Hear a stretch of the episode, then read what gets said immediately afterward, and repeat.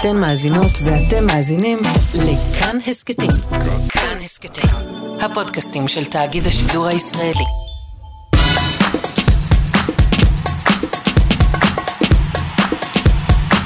שלום, אני אורי לוי ואתם על שער למונדיאל מדוחה. אשרף Hakimi. אשרף Hakimi אשרף à אשרף Simon. אשרף duel. אשרף Hakimi places the ball on the spot. אשרף Ashraf. He has the chance. to send Spain out of the World Cup. اشرف في الضربه الترجيحيه الرابعه It's Hakimi! It's brilliant!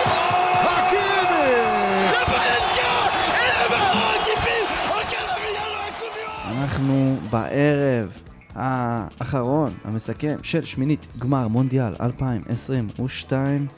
אה, ערב היסטורי, ערב מרגש, ערב מהנה, ערב מטשטש. ערב שאפשר לומר, קטאר נפתחה מחדש למונדיאל הזה, עם נבחרת ערבית ראשונה שמעפילה לרבע הגמר אי פעם, וראיתי את העיר הזאת גועשת ו- ו- ומשתנה לנגד עיניי בנסיעה מאיצטדיון אל-מדינה אל-תעלימי, העיר החינוך, לכיוון לוסייל. עת לקחתי את ההחלטה לא לנסוע ללוסייל, אלא לנסוע לסוק וואקיף ולעמוד בפקקים. עם מרוקאים שעומדים על מכוניות ויוצאים מהחלונות וחוגגים עם הדגלים ומצפצפים, ויכול להיות שזה את הצפצופים אתם שומעים עכשיו, וערב שפורטוגל נתנה לנו בו תצוגת כדורגל ברזילאית כמעט. תצוגת כדורגל אה, מושלמת, מוחלטת, מוגמרת. ז'וגו בוניטו גם כן יש ז'וגו בונית, יפה.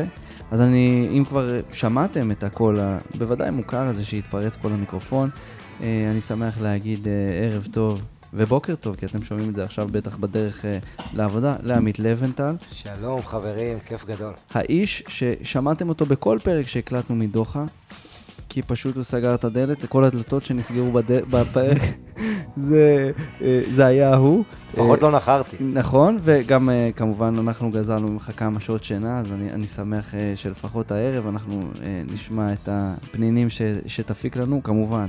הצוות הקבוע שלנו, אסף כהן, שלום, שלום. חזרתי מפורטוגל.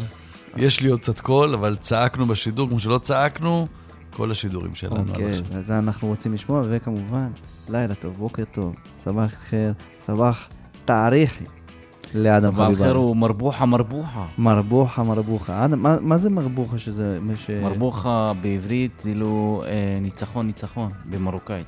יפה, זה, זה, זה מה ששמענו כל הערב. כן, מרבוחה מרבוחה. מרבוחה מרבוחה, אינשאללה תרבח, תרבח מרגב, תרבח מרגב, נכון? סיר, סיר, סיר, סיר, גם עוד כמה מילים למדנו. כן, סיר, כן, סיר, למדנו לך, לך, לך, לך לשער, כאילו. אז לך. יאללה, סיר, סיר, סיר, סיר, סיר, מתחילים.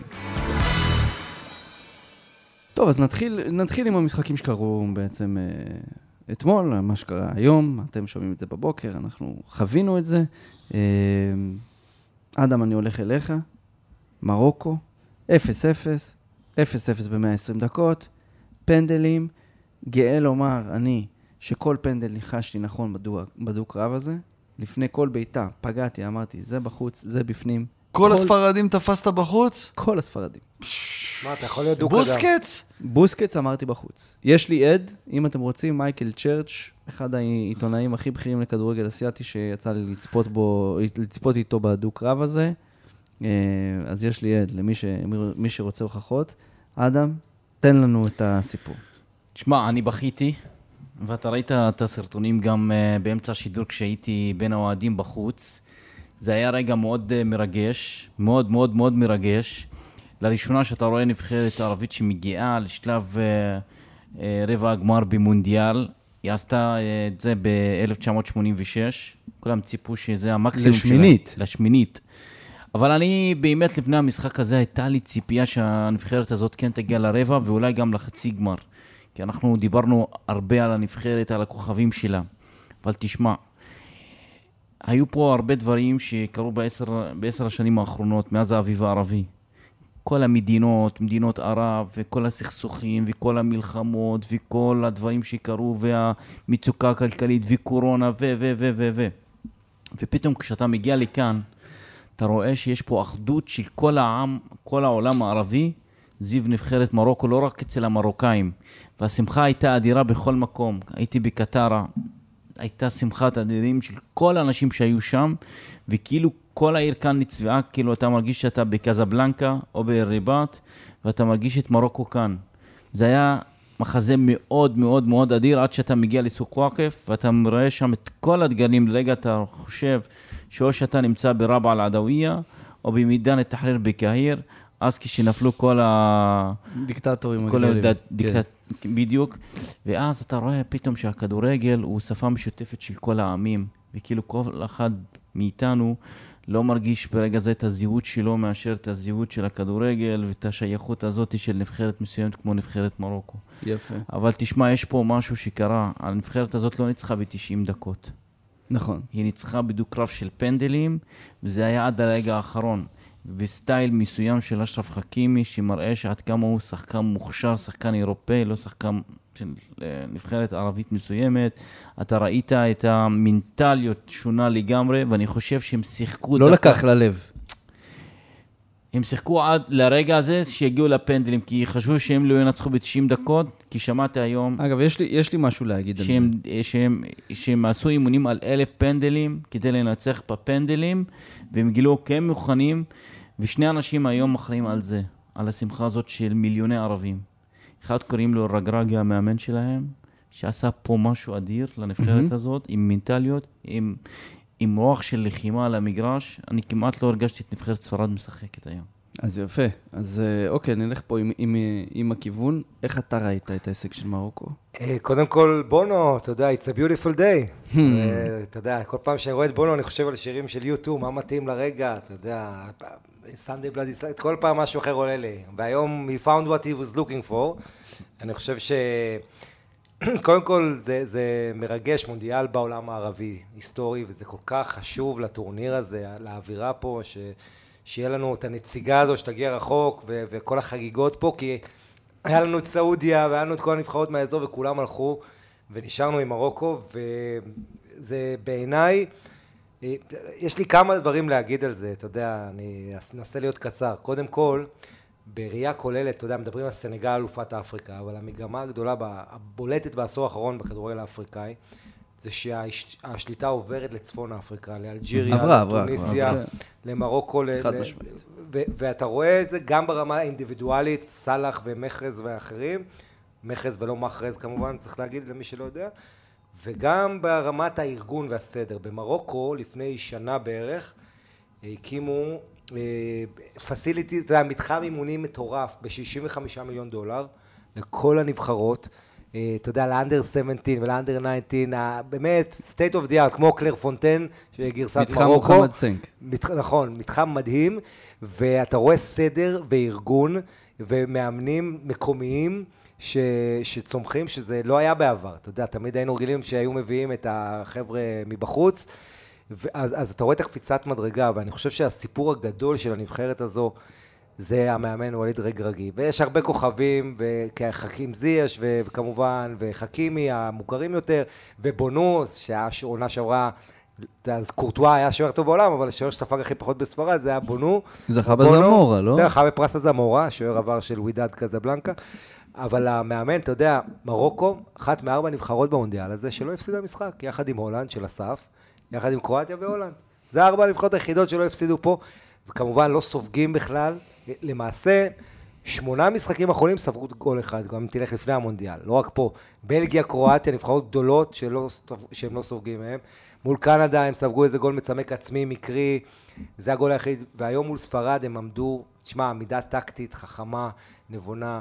יש להם מאמן על המגרש, סופיאן אמרבת, שתמיד שומר על ההגנה, משחק תשמע, קרוב מה שהוא עשה לבלמים. היום זה היה בית ספר, פשוט... בטקטיקה. ואני לא זה- רק היום, כל הטורניר. הוא- הוא- הוא הוא מדהים. אבל הוא זה האח הפחות מוכשר על הנייר, ועבר את זה אחיו כאילו כבר הוא מזמן, זה מדהים. לקח גם את פדרי, גם את גבי, גם את בוסקץ, ופשוט נעל אותם אצלו בידיים, וכל מקום שהוא הלך, הוא גרר אותם איתו, הם, לא, הם פשוט לא הצליחו. ואתה ראית את הסטטיסטיקה, כמה מסירות הם התמסרו? כן. 1,050 מסירות. נגד יפן הם היו אפילו יותר מזה והפסידו, ואתה יודע, מדברים על קרמה, הוא ניגע בנבחרת ספרד, אז דיברו על זה שהם רוצים לסדר לעצמם הגרלה יותר נוחה על פגוש ברזיל, תמיד כשאתה עושה את החישובים האלה אתה נופל. ממש. זה חוק מלמעלה.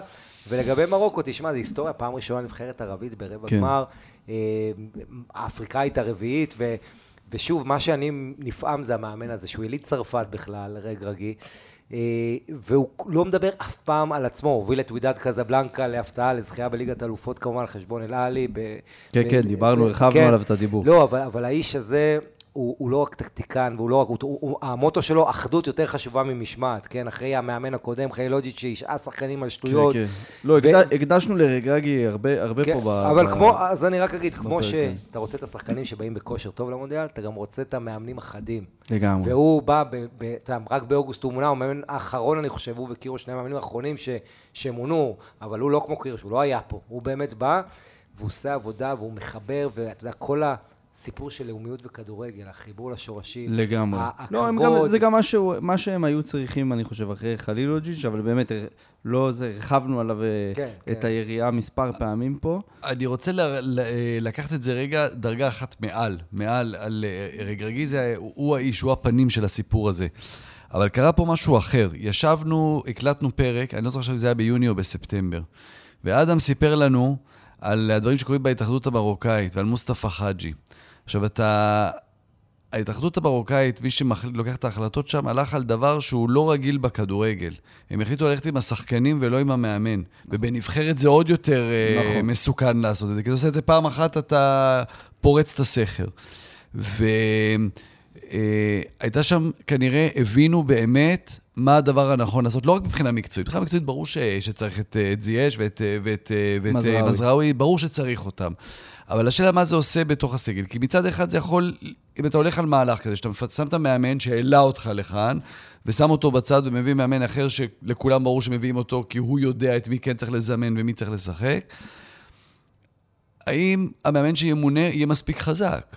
כי בעצם אתה מביא אותו כדי לתת לשחקן לשחק כזה. אמ, והם עשו את זה בסטייל, הם הצליחו להביא כנראה מאמן שהוא באמת מספיק דומיננטי כדי לעשות את מה שכולם רוצים שיקרה, אבל עדיין שימשיכו להקשיב לו, וזה מהלך מושלם של מרוקו, שאתה יודע מה, בסטריאוטיפ שלנו, התאחדות במדינת כדורגל, עולם שלישי, לא אמורה לקחת את ההחלטה הנכונה הזו. להעז לעשות את אתה יודע מה הדבר? הזה. היא ערב, אמורה...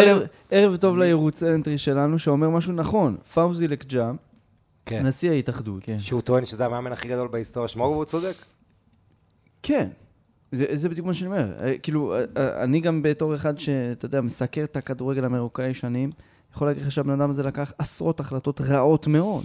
וזאת ההחלטה הכי- הכי- הכי נכונה. הכי נכונה. אני אני מה חייב מצחיק? לכ- להגיד לכם עוד משהו. אם כבר הזכרת, היום השירה הייתה של המרוקאים כאן, תמיד שרים אותה. אללה, אל-מגרב ואל-מלק. עלה אל-וואטן. אללה, אל-וטן ואל-מלק. מלק. אחר כך אלוהים. אלוהים המולדת כן. וה- והמלך. והמגרב. כן, אחר. כך הנבחרת. תשמע, היה לי סיפור והייתה לי שיחה עם אחד הכתבים של מרוקו שנמצאים כאן. אמר לי, תשמע, יש פה דבר שקורה במרוקו, שהכדורגל הוא כמו ברזיל. אתה רואה את הילדים שם משחקים, הם מוצאים חלקת דשא קטנה, הופכים אותה למגרש כדורגל, וחזון שול, כל, של כל ילד קטן שם זה לישון עם הכדור ביד. ואנחנו רואים שהרבה כוכבים היום, תסתכלו על הנבחרת שלהם, כמעט כל הנבחרת משחקת באירופה, אולי למעט שניים שלושה שחקנים. ואני חושב שהנבחרת הזאת היא נבחרת שקיבלה החלטה בזמן נכון, בעיתוי נכון ולפני המונדיאל. כי זה להביא מאמן מקומי שמכיר את השחקנים טוב ולוקח אותם ומחבר את החדר הלבשה. כי אני זוכר את נבחרת מרוקו הייתה מאוד גרועה באליפות אפריקה. הייתה מאוד גרועה, גם מבחינת תוצאות וגם מבחינת איכות כדורגל. היום אנחנו ראינו נבחרת שמשחקת בגובה העיניים, בלבן של העיניים, של כל המעצמות של הכדורגל האירופאי. אל תשכחו, קרואטיה היא סגנית אלופת העולם, בלגיה היא מספר 2 בעולם מבחינת דירוג פיפא, לנצח את קנדה, והיום לעשות גם שיעור בטקטיקה לספרד. ספרד כמעט לא הגיעה לה... להזדמנויות. תשמע, זה הזוי. לרגרגי יש, לפי דעתי, גם כ- צייצתי את זה ב- בטוויטר ה- הרב-לשוני שלי, אני מסתכל על המשחק, ואני אומר, בואנה, לבן אדם יש את הכנפיים הכי איכותיות, חכימי מזרעוי, זה מדהים. חכימי מזרעוי, ומעל חכימי ומעל- ובופל. ובופל. אין נבחרת שיש לה כזה דבר, ועדיין, מה שחירפן אותי, זה שבמשך... רגע, מ- רגע, צריך לעצור, שלא נ... תאו הרננדס וקיליאן אמבפה. נכון, נכון, נכון. כן. אה, בואו. לא, בסדר, בסדר, אבל אבל בין לא, האיכותיות מצד בטורניר. ימין, מצד ימין אני, אני מסכים. מזרעוי, תשמעו, הוא שחקן טוב, אבל הוא לא מגן שמאלי. איכות יש, ש- איכות כן, יש, כן, אבל- יפה, בסדר. עכשיו, איכות בין הטובות בטורניר. חד לא- משמעית. לא סתם הם הגיעו לרבע. הגמר. ועדיין, כן. מה שהוא בחר לעשות, זה לשחק בכדורים ארוכים. בעצם מרוקו הרחיקה כדור במשך 120 דקות לכיוון אנסירי ותחליפיו בהמשך, וזה פשוט, אתה ראית איך זה ממוטט את ספרד ומייאש אותה ומייבש אותה, אבל בשום שלב לא ראית את הקסם שיכול לבוא לך מה... זה עכשיו, כשעולים לרבע גמר מונדיאל, לראשונה בהיסטוריה כנבחרת ערבית, לראשונה בהיסטוריה כמרוקו, אפריקאית ראשונה ב... ב... ברבע הגמר מאז... מאז 2010, גאנה. גאנה, יפה. אז אתה, אין לך מה להגיד, ועדיין, אני מרגיש כאילו לא, אני רוצה לראות עוד מהדבר הזה, אתה מבין? ועוד לא הערה. מספיק. בסדר, אבל הם שיחקו נכון כי זה היה גם ספרד, הם התאימו את עצמם, וזה, וזה משהו של מאמן. כי במשחק הקודם, שיצא לי לשדר אותו, אה, נגד, אה, נגד קנדה, קנדה. שם זה היה קסם. זה היה קסם, שהם שיחקו על החוזק, זה היה משחק שבו אתה יכול להיות דומיננטי, אתה יכול להחזיק כדור, אתה יכול לתת חכים עם המסירות לעומק. אה, ואונאי, תשמע, אתה מדבר על הכנפיים, זה, מה זה הדבר הזה? זה, זה, זה, זה שחקן. לא, לא כן, מפסיק לרוץ, כן. זה לא ראיתי דבר כזה, זה שחקן. שלא מפסיק לרוץ. תגידו, ו- אני חושב שכל הנבחרות שסיימו מקום ראשון עלו, נכון? אני לא טועה. כל האלה שסיימו מקום ראשון יפה, בבית, כן, עמית, זו שאלה כן. מצוינת, בוא נגיד. מרוקו, מרוקו, סיימה ראשונה, ואשרף חכים לפני המשחק אמר, פורטוגל, מגיע לנו כבוד, כי אנחנו ראינו ראשונים, נכון. ספרד באה עם כל הכבוד, אנשים שוכחים, כי זה ספרד, אבל ספרד באה ממקום שני, ואני חושב שעוד משהו, ש, שדיברת על השחקנים האיכותיים, אבל הרעב זה לא פחות חשוב.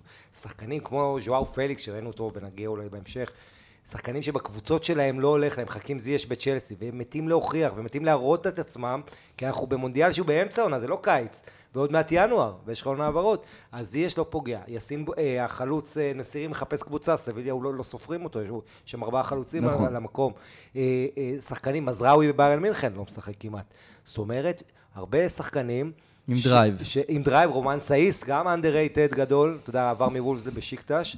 כלומר, היכולת הזו לתעל את, ה, את הרעב הזה, את האנרגיה הזאת, רק קרואטיה ניצחה את יפן כמובן, שזה המקום השני. קורעת את יפן, וגם זה בפנדלים. כן. אז כן, אז זה שבע משמונה. כן. אז יפה, רגע, יש לי עכשיו נקודה מעניינת, שאני רוצה לקשר אותה למשחק השני שקרה אתמול, פורטוגל, שווייץ. דיברת על זה שההתאחדות הקשיבה לקהל והקשיבה לכולם, העיפה את חלילוג'יץ', הביאה את רגרגי, החזירה את זייש ולמזרעוי, שמחה, אומה שלמה, היסטוריה. אם אתם שומעים צפצופים ברקע של הפודקאסט, זה באמת כי עכשיו אנחנו מקליטים בשתיים וחצי, ועדיין אנשים מצפצפים אה, חגיגות למרוקו. גם בפורטוגל עשו איזשהו סקר השבוע. הבולה עשה סקר. הבולה עשה סקר, אני טוען, הבולה עשה סקר, אה, שאלו האם קריסטיאנו רונלדו צריך להיות בהרכב או לא, 70 אחוז אמרו שלא. 70 אחוז. אני, לפי דעתי, קונספירציה, חבר'ה, לא, לא נבדק, לא אושר בשום מקום, אני חושב, מוזמן. מוזמן, יכול להיות? מוזמן על ידי ההתאחדות, שבעל... להקל, להקל להוציא להקד. על פרננדו סנטוס, ולשים את זה כעובדה, ובעצם הנה עוד פעם, נבחרת שמקשיבה לרכשי הקהל, מושיבה על. על הספסל אה, שחקן מהגדולים בהיסטוריה של המשחק, אבל מקבלת את המשחק מהגדולים בהיסטוריה של הנוקאוט של המונדיאל. שידרת את המשחק, אסף. היה מדהים. תן לנו קצת. היה מדהים. היה חוויה יוצאת דופן, כי לא קורה הרבה פעמים שאתה בא למשחק שהכותרת שלו נכתבה כבר מראש, והכותרת פה נכתבה מראש. רונלדו לא משחק, זה יהיה, זה יהיה השיח. כלומר, זה מה שאתה מדבר עליו לפני, זה היה באולפן, אתם ישבתם, דיברתם על זה לפני, כי זה- זה, הדבר הכי מעניין פה. ונגמר המשחק, וזה כבר לא הדבר המרכזי, בגלל שהם היו מדהימים. ובסופו של יום, אוהדי פורטוגל ראו היום את מה שאוהדי מנצ'סטר יונייטד כבר רואים הרבה זמן. כל העולם ראה את מה שאוהדי מנצ'סטר יונייטד רואים כבר הרבה זמן. קריסטיאנו רונלדו, ושוב נגיד את זה, כי יש... זה גם נהיה משהו. אני תוך כדי משחק, או דרך כדי שידור, קיבלתי פתאום איזה הודעות נאצה מאיזה מישהו בטוויטר. יש לו המון אוהדים לרונלדו. מי אתה בכלל שתדבר על אה, רונלדו וכאלה, וזה בפרטי, והיו כל מיני אנשים שכתבו ב, ב, בפתוח. לא משנה, זה סבבה, לכל אחד מותר. רונלדו ומסי הפכו את הכל לאישי הרי, כבר אין אהדת קבוצות, יש אהדת השחקן. אה, קריסטיאנו רונלדו, אחד משני השחקנים הכי גדולים בדור האחרון, זה בכלל לא, אתה יודע, אפשר להתווכח, הוא יותר גדול, הוא יותר גדול, זה לא מעניין. הוא פשוט היום לא מתאים לכדורגל ברמה הכי גבוהה, לא בגלל שהוא לא מסוגל לתת גולים, לא בגלל שהוא... אי אפשר לשחק כדורגל, כמו שמשחקים אותו כדורגל היום, עם לחץ בלתי פוסק של, של עשרה שחקני שדה, אי אפשר לשחק אותו איתו. אי אפשר לשחק אותו איתו, והדבר הנוסף שזה גורם, כשאתה עם הכדור, הוא... אה, צריך למסור לו את הכדור. כן, צריך למסור לו את הכדור. בדיוק. אני הייתי בדיוק, במשחק אסף של אורוגוואי נגד פורטוגל. כן. אה, בשלב הבתים, יחד יצא לי עם טל ברמן, שלא מספיק הוא היה צריך לסבול אותי באולפן, עוד הלכנו ביחד למשחק. ו- ואתה ראית איך הנוכחות שלו גורמת לכולם רק להסתכל איפה הוא, הכל סביבו. עכשיו, הוא באמת רוצה, אני לא מאשים אותו, והוא שחקן שעשה, אתה יודע, הכובש הכי גדול בנבחרות, והכובש הכי גדול בליגת האלופות, ובהיסטוריה, הוא ווינר ענק, גדול הסקוררים, הרבה דברים, אבל זה סיפור שאם היית שולח אותו להוליווד כתסריט, היו פוסלים לך אותו. מה, תגיד לי, זה הגיוני שגונסלו רמוס, שלפני המשחק הזה 33 דקות בנבחרת היו לו, אתה יודע, ש- ש- אה, שמונה דקות משחק ראשון, שתי דקות משחק נוסף, ועוד אה, 20 דקות כמחליף במשחק הכנה. שלוש הופעות כמחליף, 33 דקות, הוא עולה, בכורה בהרכב, בנוקאוט, ועושה מה שעשו שבעה שחקנים בהיסטוריה, שם שלושה בנוקאוט משחק מונדיאל. הפורטוגל היחיד שעשה את זה הוא זביו ב-66 מול צפון קוריאה. ו- וזה כאילו סיפור הזוי, שרק הכדורגל יכול לייצר דבר כזה, ואני חושב ש... אתה יודע, אתה רואה את הדור הצעיר הזה, את לאהו ואת פליקס, ו... והעומק גם, אתה יודע, ויטיניה עולה מהספסל, לאהו בכלל לא זה, קנסלו, המגן הטוב בעולם אולי, לא... זה בכלל לא- מדהים, לא זה גם. היה מדהים. כן, אדם. אני מסכים עם הגישה שלכם. אני חושב, בואו נסתכל, יש לנו פה ארבעה כוכבים לפחות בכל קבוצה. ניימר בברזיל, מסי בארגנטינה, איפאפה בצרפת וגם קריסטיאנו רונלדו. גם אנחנו בתור הצופים, לפעמים מחפשים כשקריסטיאנו משחק, הם מוסרים לו, כן מוסרים לו, נתנו לו, ואיפה קריסטיאנו, תמסור לו, כן תמסור לו. וזה רק פוגע במשחק הקבוצתי כשיש קבוצה, שחקן מעל הקבוצה. אבל אם ניקח לדוגמה שתי נבחרות, נבחרת את צרפת, אתה רואה את הנבחרת לא משחקת בשביל אימפפה, ואימפפה לא משחק בשביל עצמו, יש פה נבחרת. לא בגלל הישגים אישיים ולא בגלל מספרים. אני לא רואה את נבחרת צרפת, למשל, משחקת בשביל שאימפפה יהיה השחקן הכי טוב בעולם, שיזכה בגביע העולם כדי שייכנס לדפי ההיסטוריה. רגע, שנייה, אתה רואה את נבחרת ברזיל משחקת ככה בשביל נעימה? לא, אני אומר, רק מונ- נבח... מונדיאל שתי קודם, הנבחרות. שתי נבחרות שלא משחקות בשביל שחקן, למרות שיש להם שני שחקנים כוכבי על. אני רואה את נבחרת ברזיל שמשחקת כקבוצה, אין פה עליונות של שחקן אחד על שחקן אחר, ואתה לא רואה שכל השחקנים מחפשים אותו שחקן, וגם נבחרת צרפת. אם פאפה הוא לא מעל הקבוצה, הוא חלק אני- מהקבוצה. אני חושב שארגנטינה למשל, זה לא שהיא. משחקת, לא, אבל לא משחקת בשביל מסי. פשוט אין משהו העניין אחר. הוא כל הפוקוס, שמה כל שה- הפוקוס על מסי. אני חושב שמה שאתה לזכות מתכוון... במונדיאל, המונדיאל האחרון של מסי, מסי צריך... תשמע, אני אוהב את מסי ואני אחד האנשים שרוצה שכן מסי יזכה בגביע העולם לפני שהוא נפרד מאיתנו. אבל אני חושב זה מאוד קשה מבחינה קבוצתית, כל הזמן לשח- לחפש את השחקן. לא, אבל יש הבדל בין שתי הנבחרות האלה, מה שאורי ניסה להגיד, שבלי מסי אין, ארגנטינה זה אין- כלום. אין ארגנטינה. פורטוגל, יש שם כל כך הרבה שחקנים בדיוק. עם כישרון ושחקנים כל כך טובים. ת- תחשוב. שאם רונלדו משחק, לאהו לא משחק, או פליקס, ז'ואר פליקס היום, זה היה כאילו הצ- הופעה שמדגימה את הפשע שעשו איתו בשנים האחרונות. קודם כל באתלטיקו מדריד, אבל גם בנבחרת, גם בנבחרת היו הרבה מאוד משחקים שבהם הוא כן שיחק לצידו של רונלדו, והוא הוא לא הצליח להשתחרר. עכשיו, אתה יודע, זה- לא, עכשיו, בוא לא נעשה את רונלדו עכשיו איזה, איזה רשע, וילן כזה של, של, של סרטים. כשהוא היה טוב, הוא היה הכי טוב. זה שזה פגע בהתפתחות של מישהו אחר, המחיר היה שווה את זה, נכון. כי, כי קיבלת את השחקן הכי טוב שיש. אבל באיזשהו שלב כשזה נגמר, זה נגמר. ויש אופציות אחרות. לארגנטינה אין אופציות אחרות.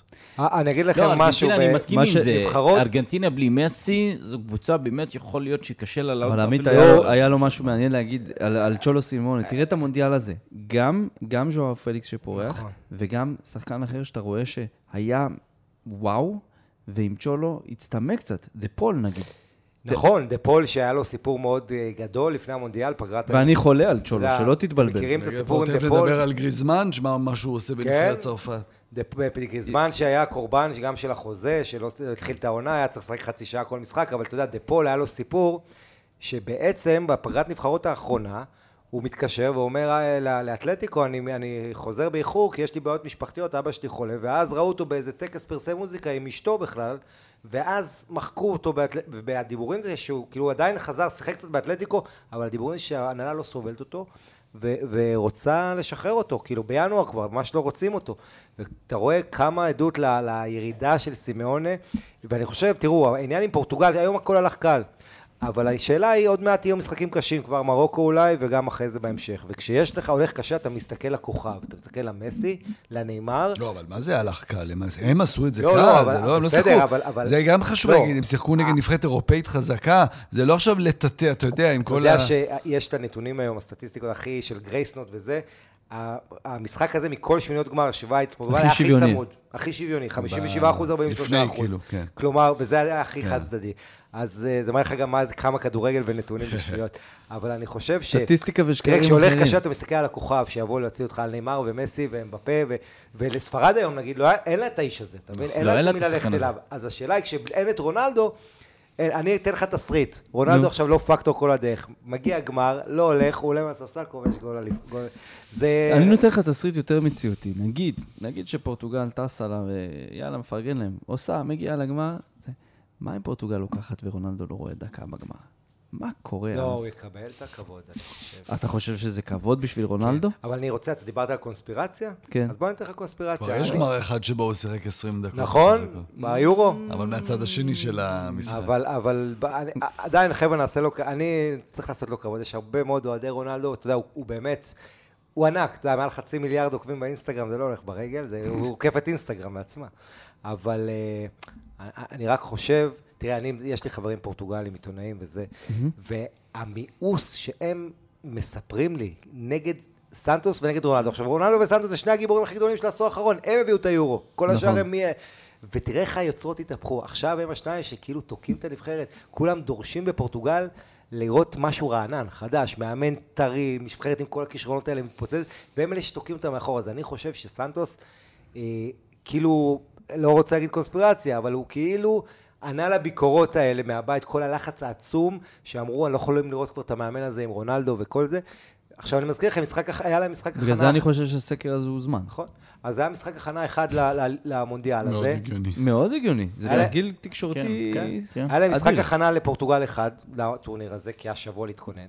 נגד אה, ניגריה, אתה זוכר? כן, 4-0, נתנו שם הצגה, כולם כן, כן, חייגו כן. וזה, וזה היה אולי איזה רמז מטרים, הרבה פעמים צריך לחפש את הרמזים מה יהיה במונדיאל לפני, כמו עם טוני קרוס שכיכב פתאום במשחק האחרון של ריאל מדריד, ואמרת הוא יהיה חסר לגרמניה עוד מעט, אז גם פה עם פורטוגל, הרגשנו את זה. לגמרי. אוקיי, עכשיו אנחנו אה, שנייה נאפס רגע את המאזינים. נתנו לכם דברים חמים מהתנור לגבי המשחקים שקרו ממש אתמול וסגרו את שמינית הגמר, אבל צריך להגיד, שמינית הגמר הזו אה, יצרה לנו רבע גמר אה, אדיר, אה, אני חושב, מבחינת הקבוצות, מבחינת הקבוצות המשתתפות. ועוד דבר, היא, היא, היא כמעט סתמה ב- לחלוטין את אחד הסיפורים הכי גדולים של המונדיאל הזה. את העלייה, את ההתפרצות הזאת של הכדורגל האסייתי שפתאום ראינו בסוף שלב הבתים. עם יפן ודרום קוריאה, שנתנו מונדיאל נהדר. עם אוסטרליה, שאף אחד, כולל מקליט שורות אלו, לא ספר. אמ, ו- ועדיין הגיעו לשמינית גמר, אבל כולם, כמו זה, אני כתבתי על זה גם באתר כאן, גם בוואלה ספורט, גם דיברתי על זה בטוויטר, צייצתי על זה, שבמונדיאל, שהנבחרות הקטנות כל כך מתאמצות ומצליחות להגיע לשמינית גמר, מצליחות, מה שנקרא באנגלית, to punch above their weight, אבל הנבחרות הגדולות לא בתצוגות על יותר מדי, לא, ב, לא באיזה יכולת שיא, פשוט מתעתעות אותם, ונוצר לנו רבע גמר כל כך מוחלט, כל כך ברור, כל כך בוהק, מראה לך את הפער בין אירופה, ברזיל וארגנטינה, וכן, ברזיל וארגנטינה עדיין שמה, ארגנטינה מתנדנדת, אבל אין, כל עוד, כל עוד אה, אדון אה, ל"מ משחק שם עם החולצה מספר 10 על הגב, הם עדיין שמה.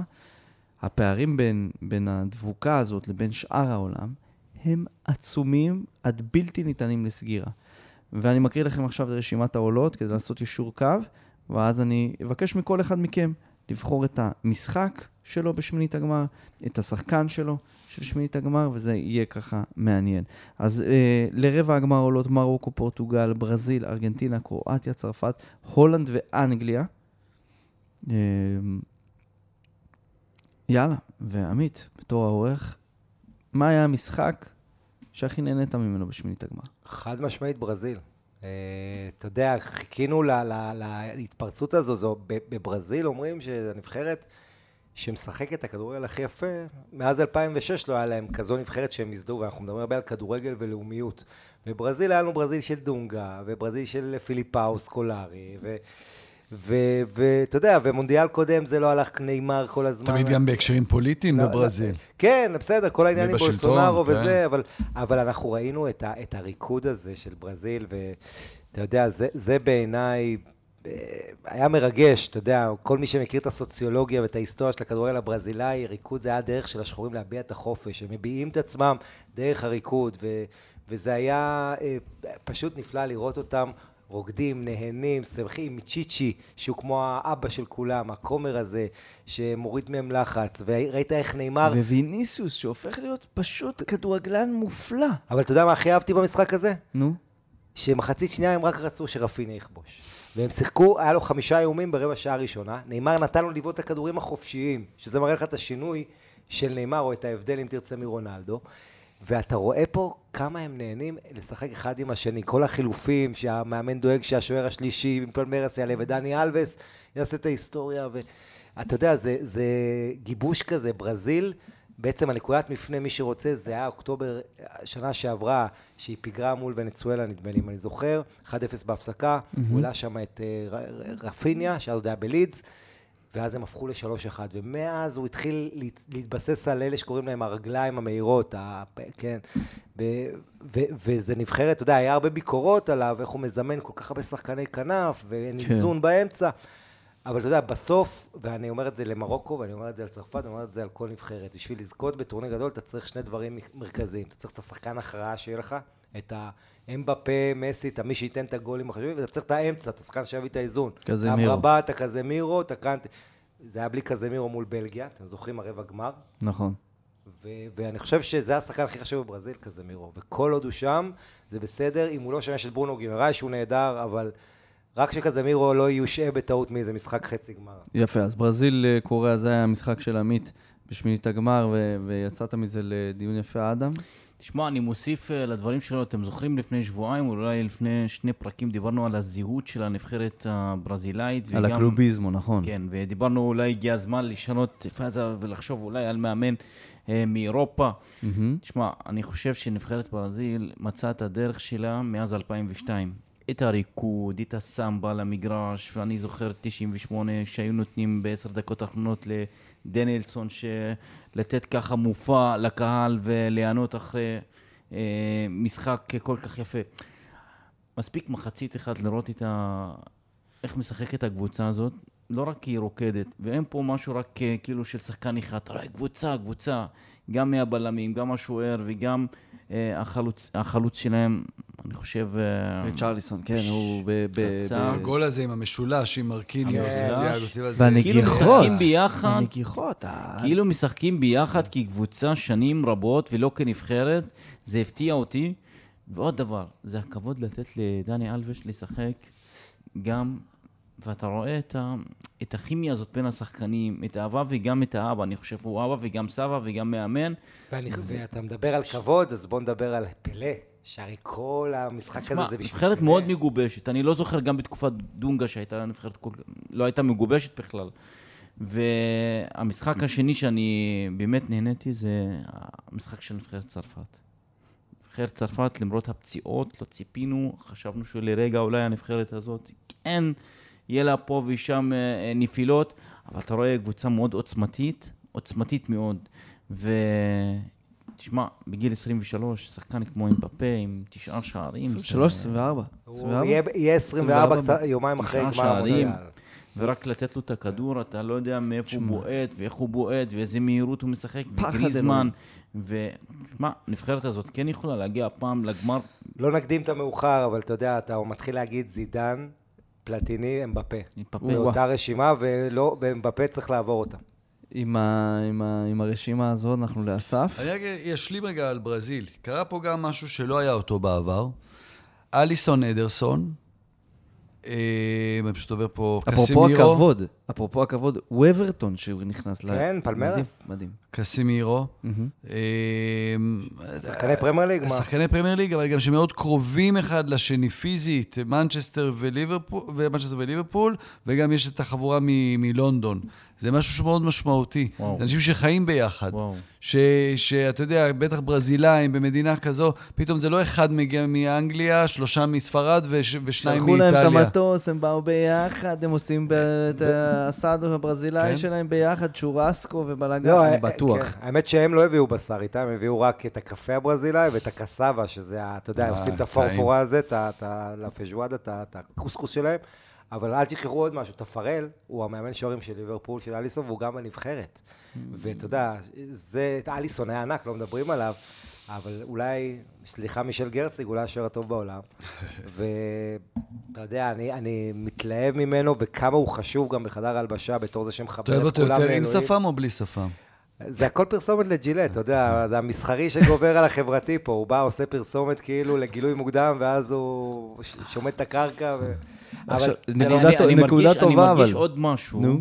אני מרגיש עוד משהו מסביב לנבחרת, שאולי נותן להם גם את, התואר, את הכוח ואת האווירה היפה, ובוא נגיד ככה, את הניסיון של העבר. תשמע, אנחנו רואים את רוברטו קרלוס יושב למעלה, הוא פרשן כן, ב-beIN ספורט. כן, יש לזה, בטח. רונלדו יושב, בטח. קפו נמצא, הקטע עם רונלדו, שהוא לפני כל משחק, האבות המייסדים כן, באים אתם- ונותנים- באים נותנים הרגע. הזה שהוא יושב עם ה... שמתם לב, לפני כל משחק, בריאיון, עם ראיון עם אחד, ליסון. וכולם עושים את אותו דבר. הם לא- מלטפים לו את הברכיים, ואז, כן. ומלטפים לעצמם. הם כאילו אומרים, תביא לנו מהקסם. ובוכים גם, כמה הם מת- מתרגשים, אנחנו גדלנו עליו. אצל רונלדו, הייתי מלטף את הרגל, את לא, את הברך, הברך. וואי, וואי, נכון, נכון. יפה. תשמע, בכלל, אמ- אמרת ברזיל 2002, זה לגמרי מה שחשבתי, ואז עוד יותר חשבתי על זה שזה היה סמלי. שמישהו אמר לי סמלי, שזה 4-1, אני לא זוכר מי אמר לי, זה סמלי שזה 4-1, כי בגמר 70 הם ניצחו 4-1. אני חשבתי, אנחנו אתמול ראינו את ברזיל 2002, אוקיי? עכשיו, עכשיו, למה זה סמלי? צריך להגיד, זה מה שאנחנו מכירים. כן, אנחנו זה לא מה ש- מכירים לא, 70. אני אני חושב שזה היה כן. יותר ברזיל 82, ואיזה מזל שאין פה את איטליה אז, שתהרוס. אבל, אבל למה זה היה סמלי? כי איפה היה מונדיאל 2002? גם באסיה. בדרום היחיד קוריאה. כן. בדרום קוריאה, כן. אתה מבין? אז, אז, אז אני חושב שהרבה דברים אה, נסגרים, אבל מעניין ששלושתכם בחרתם להתמקד בברזיל אחרי השמינית גמר הזאת, אבל זה... לא, אני רק הוספתי, אני לא בחרתי אה, להתמקד, אני. אתן את זה במשפט כדי לא... כן. ברור, אני באתי פה טעון מפורטוגל, כבר דיברנו על פורטוגל. אה, זכיתי גם לשדר את אנגליה בשמינית, זה כבר עבר הרבה זמן, אז זה מרגיש שזה היה מזמן. אה, 30 דקות של כלום ושום דבר, עמידה יפה של סנגל, שככה הפריעה לאנגלים. כמעט כבשו סנגל. כן, כן, הצלה גדולה של פיקפורד, נכון, הייתה שם הזדמנות אחת גדולה. אה, ואז התעורר ג'וד בלינגהם. תשמעו, זה...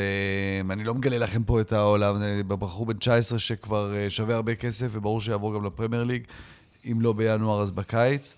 אה, זה שחקן ברמות האמבפאיות, כלומר, אוקיי, אמבפה יש אחד, אבל זה שחקן ברמות הכי גבוהות. בוא נגיד שתואר השחקן הצעיר בטורניר, כנראה כבר הוא, זהו, זה, זה שלו. העניין שהוא אה, כל כך. בוגר במשחק, שהוא זה לא יכול בתור- לקבל את השחקן בגול, הצעיר. ב- הוא- כן, הוא אבל- שחקן הטורניר אם- אם אנגליה הולכת אתה פה יודע, עד הסוף. כשכשהוא נולד, הלהיט מספר אחת ב- ב- אצל הבריטים, ב- בהיט-ליסט שלו, היה Bring Me to Life של אבנסנס, שזה מראה לך כמה אנחנו צעירים, אני זוכר כאילו את כן. הזמן הזה.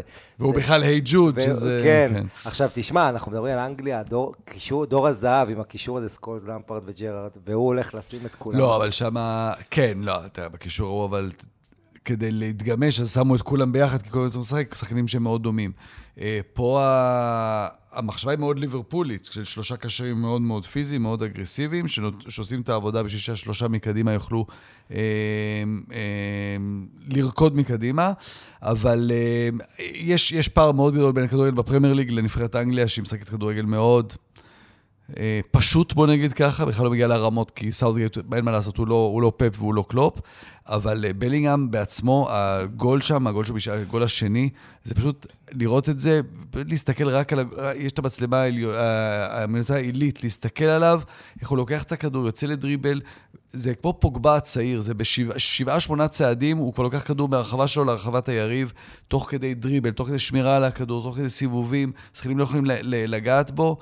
אה, בחור בן 19 שבאמת נראה כבר מוכן לדבר האמיתי, שחקן מדהים. צחקו על ברמינגהם שהפרישו את החולצה שלו. ולגמרי אפשר להבין. וכמה גאונים בדיעבד בגיל 17 הם יצאו. אגב, אתם יודעים למה הוא לובש 22? היה לו מאמן, מייק דודס, קראו לו בברמינגהם, וכולם רצו את המספר 10. אז המאמן בא ומכר לו איזה סיפור, אתה קצת מספר 4, קצת 8, קצת, קצת 10, קיצור, תחבר 4 ועוד 8 ועוד 10, יצא לך 22. יפה. וככה הוא מכר לו את זה. אגב, אני רוצה בהזדמנות זו להמליץ, אני יצא לי להשתמש, אה, אה, להציץ באפליקציה ובכל הנגן הזה שיש למונדיאל של כאן, אתה באמת יכול לבחור את ג'וד בלינגהם ולהתרכז בו במשחק, ולצפות במשחק דרך רק אה, ג'וד בלינגהם, אז תנסו את זה, תעשו את זה, זה, זה, מעניין מאוד. כמו שאמר פעם, אני חושב דל בוסקה, אני אולי... אה, זה, הוא אמר, אה, אתה לא מבין... אולי פפ אמר? לא, אני חושב דל בוסקה. מה זה היה? אה, תכף אני אחשוב על המשפט ואני אחזור אליך. אין בעיה. מעניין שהוא לא מצטט את קרויף. עד- הסוף. כן, הפתעת אותנו. אבל אוקיי. זה היה נורא יפה שילד בן 19 מבשל אה, אנדרסון בן ה-32, שהוא רציתי להגיד הכי מבוגר, אבל קהל ווקר מבוגר ממנו בחודש. יפה. אה, ו- אוקיי. אז, אז, לא, לא, לגמרי. אז אסף, אתה, אני מבין, השחקן שלקחת זה ג'וד בלינגהם. יפה. אדם, יש לך שחקן שאתה רואה ככה... אני כבר בחרתי, אמרתי, אמפפה עם ההופעה? שלו, ב- כן, עמית? היה מדהים. עמית עוד לא בחר ז'- שחקן. וואלה, אתה מתקיל אותי עכשיו מהראש, אולי ז'ואר פליקס, שאני מת עליו, וגם סיפרתי את הסיפור שלו בא- באולפן היום, ש... אתה יודע, אנחנו בכל כך הרבה מתח, וזה גם מונדיאל הפרוזק וה- והציפרלקס הראשון. עכשיו, אחד הנושאים ש... רגע, רגע, מה? לא, אני? אומר, אני אסביר. כן. לפני ארבע שנים, אף אחד לא דיבר על, על העניינים, האתגרים הנפשיים והקושי, אתה יודע, הדברים המנטליים. היום המון כדורגלנים בכל העולם משתפים בקשיים ובהתמודדות הנפשית שלהם וטיפול. ז'ואו פליקס, חברים, לקח לפני חצי שנה, אה, התחיל ללכת לפסיכולוג, בגלל שהוא סובל מסימאונה ורוצה לעזור. התחיל לקחת טיפול, והפסיכולוג שלו אמר, אתה סובל מבריונות קבוצתית, mobbing, כאילו כנופייתיות. ו- וכאילו הולך, ל- וזה אחד הדברים המשמעותיים, כי היום בעידן הרשתות, הלחץ, המתח, ואתה רואה את זה פה כל משחק, על חוט מוכרע- מוכרעות גורלות, מוכרע- מוכרעים גורלות, וז'ואו פליקס, אתה יודע, בגיל 23 הולך לטיפול, וגם כריסטיאנו רונלדו, שמשתפשל למאנסטר יונייטד, הלך לג'ורדן פיטרסון, אחד הפסיכיאטרים המובילים בעולם, הקנדי, וגם רונלדו הברזילאי נעזר בפסיכולוגית, וגם הוא עובר קשיים, ואגב, הוא, הוא נראה נהדר. אה, ואשתו גם תומכת בו. כלומר, אני חושב שהדגש הנפשי, בעצם המונדיאל הזה, תסכימו איתי, אסף וח- ו- ואדם ו- ואורי, מה שהכי בולט זה כמה הצד המנטלי והצד הפיזי אה, שולטים כן. היום במשחק, ואתה חייב את הלכידות הקבוצתית, את הכוח המנטלי והפיזי, זה יותר חשוב מהצד זה הטכני. הכוח המנטלי. הזה שהפתיע אותי היום גם במרוקו. אני חושב שהניסיון של השחקנים שמשחקים באירופה עשה את שלו היום, כי אנחנו לא רגילים לקבוצות או נבחרות מהדרג השלישי והרביעי לבוא עם מצב מנטלי לשחק נגד ספרד, ותשמע, בדרך זה היה נוכח, וראינו את זה גם בפנדלים. בלי להתרגש, אשרף חכימי בועט את הפנדלים, כאילו. אז לגמרי, אני, אתחבר, כן. אני, אתחבר, למה ש... לבעוט את הפנדלים וגם בונו שם. נו, היה רק פעם אחת בהיסטוריה עד היום שנבחרת במונדיאל לא כבשה אף פנדל. בפנדלים. אתה יודע, אנחנו באנו לשידור של שווייץ עם הנתון הזה, אתה, אני באתי לשווייץ פורטוגל, אתה מכין כל מיני נתונים, אתה אומר, אוקיי, נגיע לפנדלים, יש לנו את הנתון, שווייץ היא היחידה שזה קרה לה ב-2006, היא לא כבשה בפנדלים נגד אוקראינה. ואתה עוד מחכה לעלות לעמדת שידור ב media center, אנחנו יושבים עוד רואים את הפנדלים, הופה, הלך, הלך הנתון. כן. רגע, אני נזכרתי במשהו. אחד מכם אולי, אני זוכר, דיברתם על הנושא של הבלם, שהבלם כן, הכובש. שבלם תמיד כובש. אז מה. אתם מספרים? גיל 40, חבר'ה. גיל 40 ועוד כובש שער, זה באמת... אנחנו נזכיר, מדברים אה, על הצעירים, על הצעירים, אבל אפשר גם לתת כבוד ל... נזכיר את הנתונים, לורן בלאן, שער זהב נגד פרגוואי בשמינית, ומטרצי ב-2006 שער אה, בגמר מול צרפת, ב-2010 פויול בחצי מול גרמניה, ב-2014 מאץ הומלס ברבע לגרמניה נגד צרפת. תשמע, אתה מטורף. ב-2018 היה לך את צרפת, את אומטיטי בחצי מול בלגיה. כן. אז יפה הבלם מאוד. הכובש, הפפה, שהשחקן הכי מבוגר בהיסטוריה לכבוש בנוקאוט במונדיאל, והשני אחרי רוג'ה מילה בכלל לעשות את זה. אני אשלים רגע את ההמלצה שלך להסתכל על המצלמה העילית שמסתכלת על שחקן אחד. קדימה. אני מחזיר רגע למשפט שוויסנטה דל בוסקה באמת אמר בשעתו על בוסקץ. Mm. כשאתה צופה במשחק, אתה לא רואה את בוסקץ. אבל ברגע שאתה מסתכל על בוסקץ, אתה רואה את כל המשחק. ובלינגהם הוא לא בוסקץ, לא אמרתי שהוא בוסקץ, אבל זה בדיוק מסוג השחקנים ששווה להסתכל עליהם ולהבין את המשחק דרך העיניים שלהם. אהבתי מאוד, מאוד. ואני אקח, אני חב- מאוד. אקח את הדברים של, של אדם, ואני אקח ואני אבחר את, ה, את השחקן שאני לוקח מה- משמינית גמר, ובאופן כללי אני לוקח אותו מהמונדיאל הזה. וזה חכים זייש. הפנדל היום, מי שעוקב אחרי השחקן הזה, יודע שהדבר הזה יכל ללכת גם החוצה. כי בגביע אפריקה 2019, כל מרוקו הייתה על הגב שלו, שמינית גמר נגד בנין, הוא בעט החוצה ומרוקו עפה. הוא החטיא את הפנדל, וזה היה אחרי שכבר העיפו אותו פעם אחת מהנבחרת, ואז החזירו אותו, זה היה עם הרווה רנר, שסלח לו, ו- וכל העניינים האלה. וההצלחה המרוקאית הזאת, נכון, רגראגי זה, זה הסיפור הגדול, ואשרף חכימי, כי הוא גם כובש ומדיח את ספרד, הוא יליד מדריד, הוא גדל בריאל מדריד והכל זה, אבל חכים זיאש, זה הבן אדם שעשה את ה makeover הכי גדול בטורניר הזה, אני חושב, מבין השחקנים אה, הבולטים יחסית, או המובילים בנבחרות שלהם, פשוט שינה את מישהו.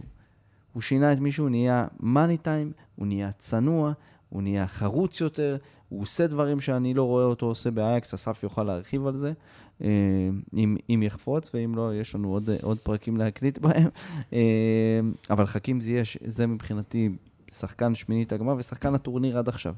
כי לעשות כזה דבר עם נבחרת כזאת, מבחינתי זה וואו, בטח בטורניר שכבר הפך להיות, אתם יודעים, טורניר של big dogs, של הכלבים ומילה הגדולים. לארי יש- קיין, אני חושב שאתה יודע, הוא לא מקבל את הקרדיט, אבל כל העניין שהוא מפנה את האמצע, אתה רואה כמה אנגליה מאומנת בזה, וצריך לתת לו קרדיט, כי זה לא מובן מאליו, אנחנו רואים את רונלדו למשל. וכן, הוא בדיוק האנטיתזה לרונלדו, שזה שכל הזמן אין לו בעיה לצאת מהאמצע, להפוך למבשל, להפוך ל... למחול על האגו לטובת ראית מה הצעירים. סאקה אמר עליו?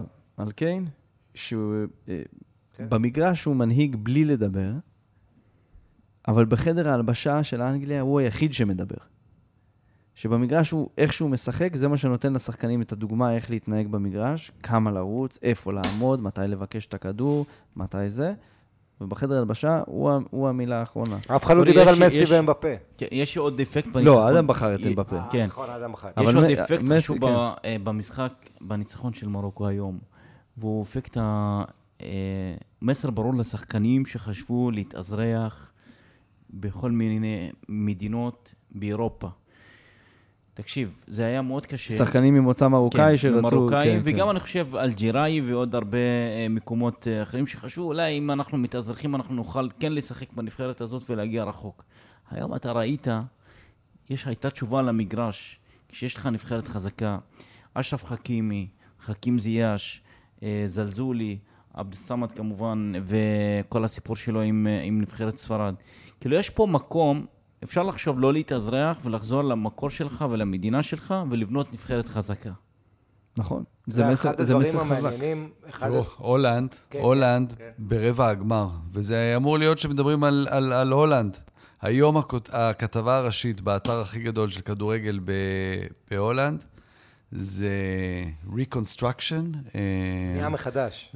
לא, הם, כאילו, הם אה, עושים כזה דקה אחרי דקה, אה. עם הכתבה, כן. כתבה כתבת ענק כזה, שחזור לונגריץ', כן. שחזור, איך הולנד הפסידה לעד את חכים זייח. זה הכותרת פה, זייח, כמובן. כי זה כן, בהולנדית. יש פה הכאה על חטא, יש פה הבנה, תראו, הולנד הזו היא, היא אפורה. אם היה אותו מקדימה, קודם כל היו יכולים לשחק 4-3-3, אבל היה קוסם שם. וזה שערוריה, שערוריה שהרבה אנשים פושעים שם אחראים לזה. ואחד הדברים המעניינים במונדיאל הזה, וה- והסמליים, זה ה- המולטי נשיונליטי. אני פגשתי אנשים שהולכים, כאילו היספנים, שממוצע מקסיקני גרים מארה"ב, הלכו למשחק של ארה"ב עם הצבעים של אמריקה על הפנים וחולצה של ארה"ב נכון. ומודדים באנגלית, יום אחרי זה הם הולכים למשחק של מקסיקו, הם מודדים של מקסיקו, כן. ומודדים בספרדית. וגם אותו דבר על צרפת וטוניסיה. אתה יודע, ווארבי חזרי, למשל, התוניסאי, הוא אומר, אני 100% צרפתי, 100% טוניסאי ו-100% קורסיקאי, הוא בכלל יליד קורסיקה. כי הוא גדל שם בקורסיקה. אז את- הזהות הרב-לאומית הזאת, אני לא רק זה, אני, זאת אומרת, אנחנו חושבים במושגים קולוניאליזם, הוא, הוא מרוקאי, הוא בטח שונא אותם, הוא שר בוז למרסייז, אבל לא, הם רואים את עצמם גם צרפתים, גם זה, אני רואה פה הרבה מרוקאים שאוהדים את צרפת או את בלגיה, אה, בנוסף, זאת אומרת, יש פה זהות יותר מורכבת בעולם הגלובלי שאנחנו חיים בו, מאשר, וזה אחד הדברים היפים במונדיאל הזה. יכול להיות בגלל שהמקום מאוד, אה, בוא נגיד, הקרבה של המגרשים, האצטדיונים, והכל נמצא במקום אחד. בטח. כן. שמע, זה נתן איזושהי אווירה ביתית, משפחתית אה, כזאת של... אני, אני ראיתי אוהדים שאני מכיר אותם, אוהדים שאני מכיר אותם. ביום אחד לבשו את החולצה של נבחרת ברזיל, יום למחרת את ארגנטינה, ויום למחרת את מרוקו. זה טבעי, אתה הולך. תשמע, אתה הולך ברחוב, בבית ש- שלנו, איפה שאתה לא הולך, בתל אביב, בירושלים, בנצרת, לא משנה. אתה רואה ילדים משחקים במגרש, אתה מיד תופס צד, אתה בעד מישהו. אז כשאתה במונדיאל, ברור שאתה תלמד, תיקח צד. בגלל אלה, בגלל שהצבע שלהם יפה, בגלל אלה כי יש להם שחקן ספציפי, בגלל שההוא יש לו אה, אה, שחקן שמשחק בקבוצה שאתה אוהב ב- בליגה. פה יש לך את ההזדמנות לראות את כל המשחקים. אני חושב שצריך מחקר, מחקר על הנושא הזה, אולי הדור, בוא נגיד ככה, הישן, שראה את הכדורגל עד, אה, בוא נגיד, אה, לא בגיל שלי, שאין לו איזושהי זהות מסוימת של נבחרת, אתה יודע, היו המבוגרים שלנו, אבא שלי, סבא שלי, שהיו כאילו מלחמה עד המוות, הולכים עם נבחרת אחת ולא משנים, זה הנבחרת שלהם. אולי הגיל הצעיר יותר מסתכל על... לא את הזהות, הלא, אה, בוא נגיד, הלאומית של נבחרת מסוימת, אולי על שחקן מסוים. בדיוק, בהחלט. האינדיבידואליזם. אתה בדיוק. רואה כמה אוהדים את רונלדו פה, שרואים את רונלדו, אני לא אשכח את זה, היינו באצטדיון, ואתה רואה את כל ההרכב. שחקן וויליאם קרווליו לא היה בן אדם, היה שקט מופתי כשקרוב הציג אותו, נגיד. ורונלדו כולם בטירוף. האינדיבידואליזם הזה, והחיבור של הנה, אסף, מה הקבוצות. שאתה סיפרת עכשיו, על שהקהל היום, הקהל דרש את רונלדו. הקהל היום כן. דרש את רונלדו, וזה רק מלמד אותנו שהאוהדים שלבשו כולם זה- חולצה של הם פורטוגל... לא לא השתתפו בסקר של הבועל. לא, ברור. הם לא פורטוגלים. הם מקומיים, הם אנשים שבאו כדי לראות את רונלדו, הם לא באו לראות... הם נהנו מפורטוגל, כי באמת זה היה משהו מיוחד, אבל הם באו לראות את רונלדו, תנו לנו את רונלדו. בדיוק, ואגב, אתה יודע, את גוגלו ודני פורט שלנו, החבר'ה היקרים שעושים עבודה אדירה, הם הלכו היום ל... דני הכט. דני, דני הכט וגוגלו, כן, יניב וקנין. דני פורט גם איש יקר, דני- אבל הוא לא פה איתנו. לא- פורט, אמרתי דני פורט, זה אומר כמה אני עייף ולא ישנתי חבר'ה, חודש. השעה מאוחרת, תסלחו אמרתי, לעמי. טוב שלא אמרתי שם אחר. דני פורט, דני הענק, פורט, אחלה ש- גבר, עכשיו בהחלט. אכלתי איתו בננדוס. אוקיי. אה, אה, עשו כתבה על ישראלים שהם הולכים כל יום אה, לעודד נבחרת אחרת. עם כל ה... הביאו את כל המדים של זה, כל יום הולכים לעודד, ממש, לשיר את השירים, ללבוש את המדים. וזה חלק מהמונדיאל האולימפי, האולימפי הזה, כמו- אולימפיאדה, כי הכל קרוב פה. נכון. זה, זה לוקח אותי, סליחה, במשפט, באמת, אם אנחנו משווים גם בין הליגות, כך למשל בפרמייר ליג, סליחה, אין פה אה, שחקן מעל הקבוצה. ליברפול, גם אם ילך סלאח, נשארת ליברפול, גם במנצ'סטר יונייטד אנחנו זוכרים את אלכס פרקסון כשזרק את אה, דויד פקאם מהקבוצה, כי הקבוצה מעל השחקן, ואתה רואה את האהדה שם לקבוצה, לא לשחקן, ואנחנו לא רואים את יודע, התופעה הזאת שבאים לליגה האנגלית לראות את המשחק הזה בגלל השחקן ההוא, אנחנו באים לראות את הקבוצה כקבוצה, וזה פגע בברצלונה דווקא. כשהייתה יעד תיירותי בגלל אה, מסי. מסי, ופתאום כשמסי עבר. ל-PSG, אתה רואה את הילדים הקטנים, הם דורשים מאבא שלהם, קח אותי לפריז, אני רוצה לראות את מסי. מדויק. וזה זה רק מעיד על השינוי של הכדורגל העולמי, ואנחנו מתחבר גם לחלק הדברים שאולי הרבה אוהדים הגיעו דווקא של אולי ריאל מדריד, ברצלונה, של PSG, שרואים, רוצים לראות את השחקנים שלהם בנבחרות ולא את הנבחרות. נכון, עכשיו אני חושב שעוד דבר יש פה, ש- שמחזק את זה. אנחנו נמצאים במקום שהוא בתכלס מוקד תעסוקה לדרום אסיה. יש פה פי שניים בנגלדשים מקטרים. 600 תחשוב אלף בנגלדש. שמבחינתם, האנשים האלה, שחלקם מרוויחים אולי, אולי, אלף ריאל בחודש, אלף ריאל זה שקל, באח, באחד המקומות הכי יקרים בעולם, שתבינו באיזה רמת חיים חיים.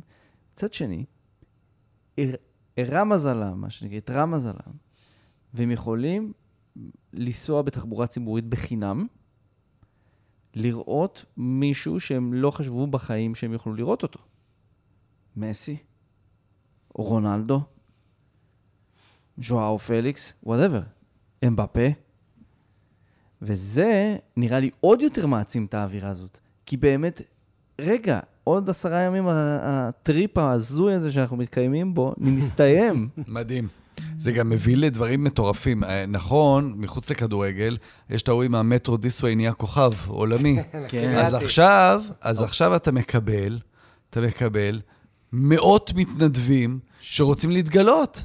עומדים לך עם המיקרופונים ועם המגפונים. עושים היפ-הופ. ריקודים ושירים, ומוצאים לך, ורק בתקווה שיבוא התייר האחד שהגיע מארגנטינה, ארצות הברית, ישראל או ספרד, יצלם אותם, יעלה אותם לטיקטוק, וגם הוא יהפוך לכוכב. נכון. זה תרבות נהיה הטיקטוק. כוכב נולד אחד גדול, הדבר הזה זה פה. תרבות הטיקטוק. כן? זה לא פעם ראשונה. שאנחנו מזכירים ריאליטי פה ב- בהקלטות, וזה מאוד מעניין.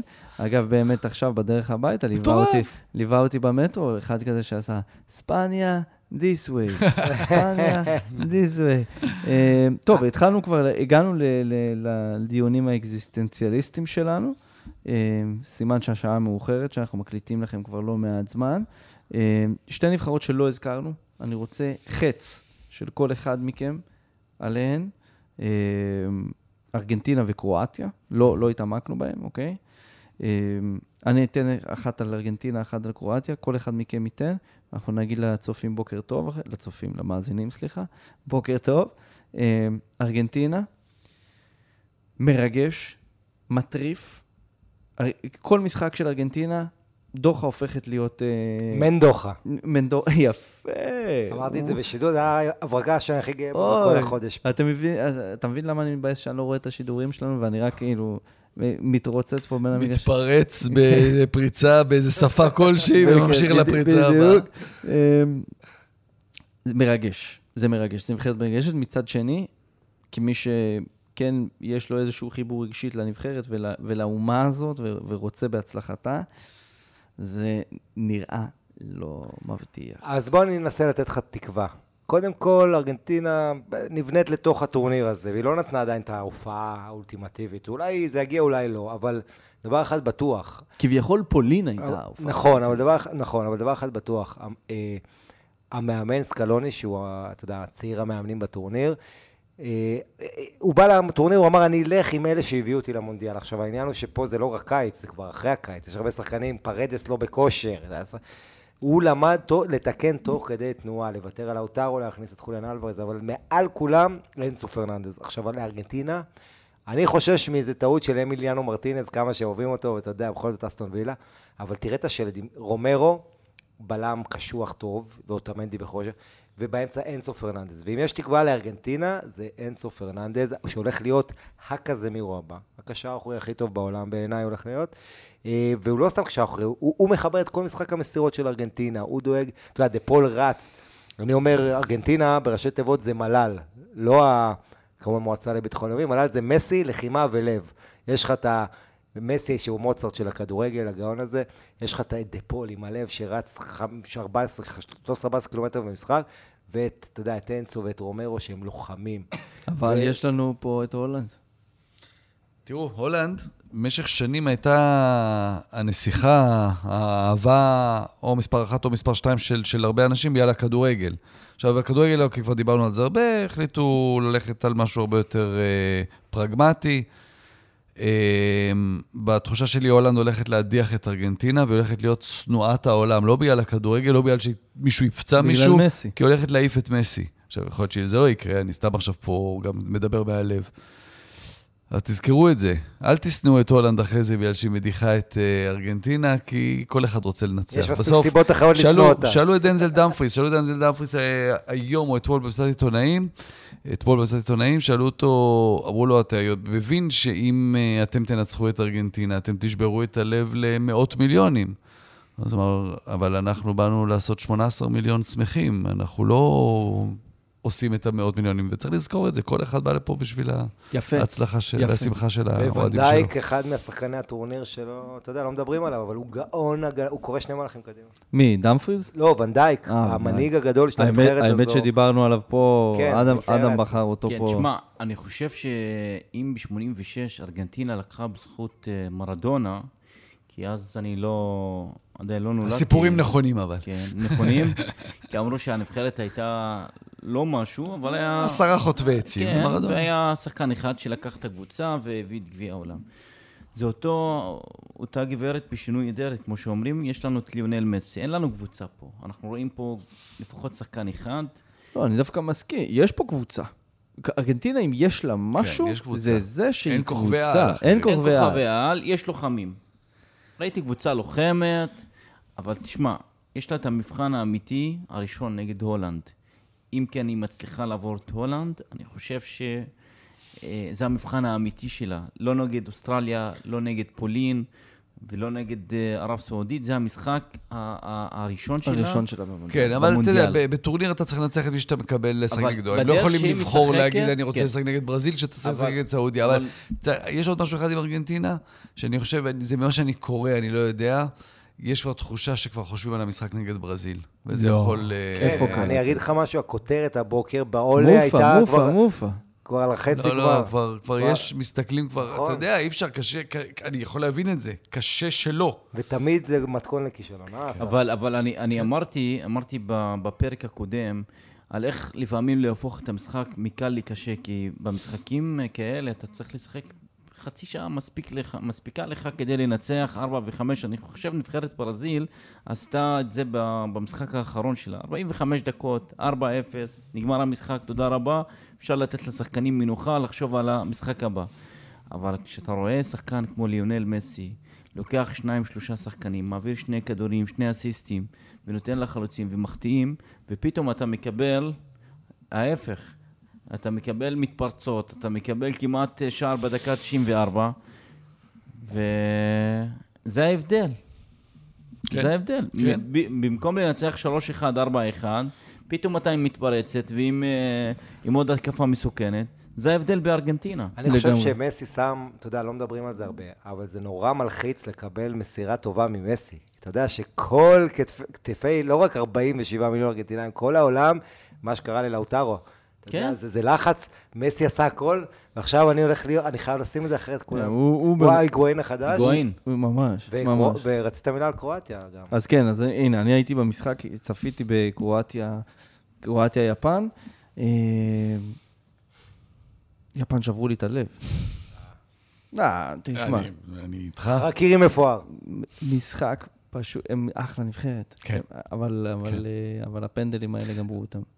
יש שם שחקנים שבאמת מצליחים להוציא מעצמם. פה באמת, אה, איך זה סך, החלקי, לא, סך השלם עולה על, זה- על, על סך חלקיו. לגמרי. אה, סליחה, זו השעה. שלפעמים המ- המ- המ- המילים לא מתחברות. אה, תשמעו, ריצו דואן, אני שידרתי אותו כל שבוע. הוא לא כזה שחקן טוב. הנבחרת מוציאה ממנו משהו, פתאום הוא המנהיג, פתאום מסתכלים עליו, הוא פתאום הוא לוקח עוצמתי. כדור, מה זה? הוא לא, הוא לא היה כזה. הוא בליגה לא כזה. לא, אני חייב להגיד, בפרייבורג השנה הוא טוב, הוא הרבה יותר טוב ממה שהוא היה נגיד לפני זה בפסו, לפני זה בכרונינגן. אבל ה- כנראה הביחד הזה, המאמן הזה, שזה וואו אמיתי. הוא היה נלעג, הוא התחיל את המונדיאל הזה מדהים, כנראה. מדהים, הוא כולו משדר, אתה יודע, כריזמה פתאום, ש... שמדהים. הם היו, הם היו... אנדו, היו- שחקן באנו אדיר. לדבר על קרואטיה ודיברנו כן. על יפן, זה אומר אין- הכל על קרואטיה, אני חושב. כן, אנדו, שחקן קשר אחורי מדהים, איטו זה גם מנוע, לא מפסיק לרוץ. שם באמת, נבחרת לא, הם עשו נחמדה שם מאוד. טוב לכדורגל האסייתי, כן. גם הם וגם דרום קוריאה במחצית השנייה נגד ברזיל, עם כל השוק של להיות 2-0 מול ברזיל הזו אחרי 13 דקות בנוקאוט מונדיאל. קשה, במחצית שנייה, שמו גול, נלחמו. כן, כמו שעמית אמר, אה, אנחנו מדברים על יפן מהשמינית גמר הזו, אנחנו לא מדברים על קרואטיה. אני רוצה, אתה יודע, כן מילה על קרואטיה? אה, קודם כל, קרואטיה ברמה האישית, סיפורים הכי טובים. אתה יודע, בורנה בור, ברישיץ' למשל, מי שלא מכיר את הסיפור, הוא היה בדינמו זאגרב ועמד לעבור, אבא שלו ראש המאפיה שם בקרואטיה, הוא עמד לעבור לדינמו קייב, בגלל שהם רצו במשפחה לעשות כסף, ואז דינמו זאגרב הפילה את העסקה, אז הנשיא מאמיץ' קיבל איומים וירו בו איזה כדור ברגל.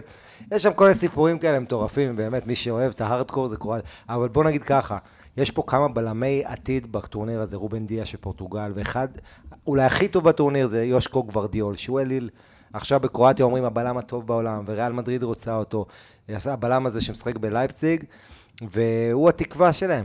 בסופו של דבר יש להם הגנה טובה, יש להם הרבה אופי, פרישיץ', שהוא כאילו, אתה יודע, עושה את ההיסטוריה שלו, ומודריץ' שעוד לא הגיע לטורניר הזה, ואולי הוא בכל זאת... אלופת אני- העולם בכדורגל הליכה. נכון. משחקים בהליכה ולא מפסידים משחקים. ורק הערכות ופנדלים. והקומבינציה של השל- שלישיית הקישור שלהם.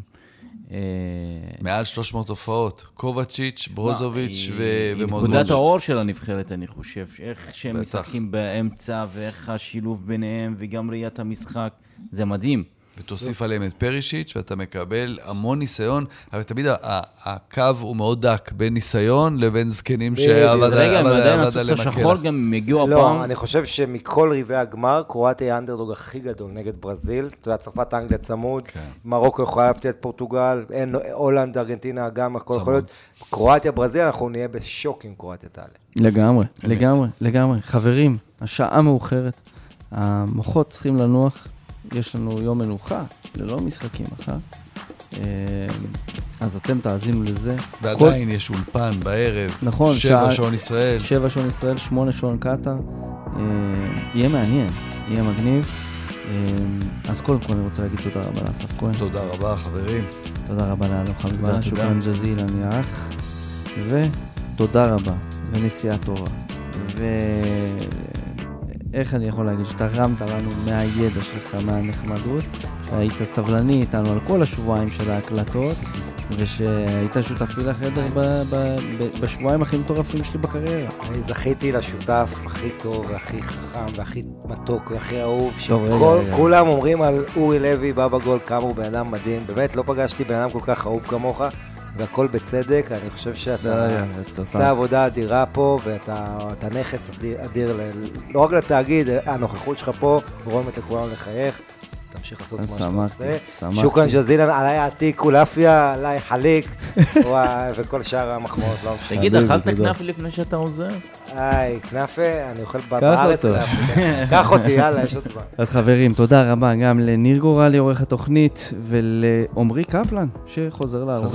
הפרקים, כן, ברפואה שלמה. ואני מזכיר לכם ששידורים ישירים, לא רק זה של מחר בשבע שעון ישראל, של כל המונדיאל הזה, וגם התקצירים, אה, זה זמין לכם לצפייה בחינם, בערוץ, כאן 11 בטלוויזיה, באתר כאן, אדם, גם ביישומון כאן, בטלפון הנייד שאתה מתעסק בו עכשיו, ועמית, כשאתה חוזר לארץ, גם ביישומון כאן בוקס, של הטלוויזיות החכמות, החדשות, נטפליקס הישראלי, תוכל לצפות בזה גם שם. אה, אז זה הכל, להפעם. אני הייתי אורי לוי, מדוחה, Keep it real.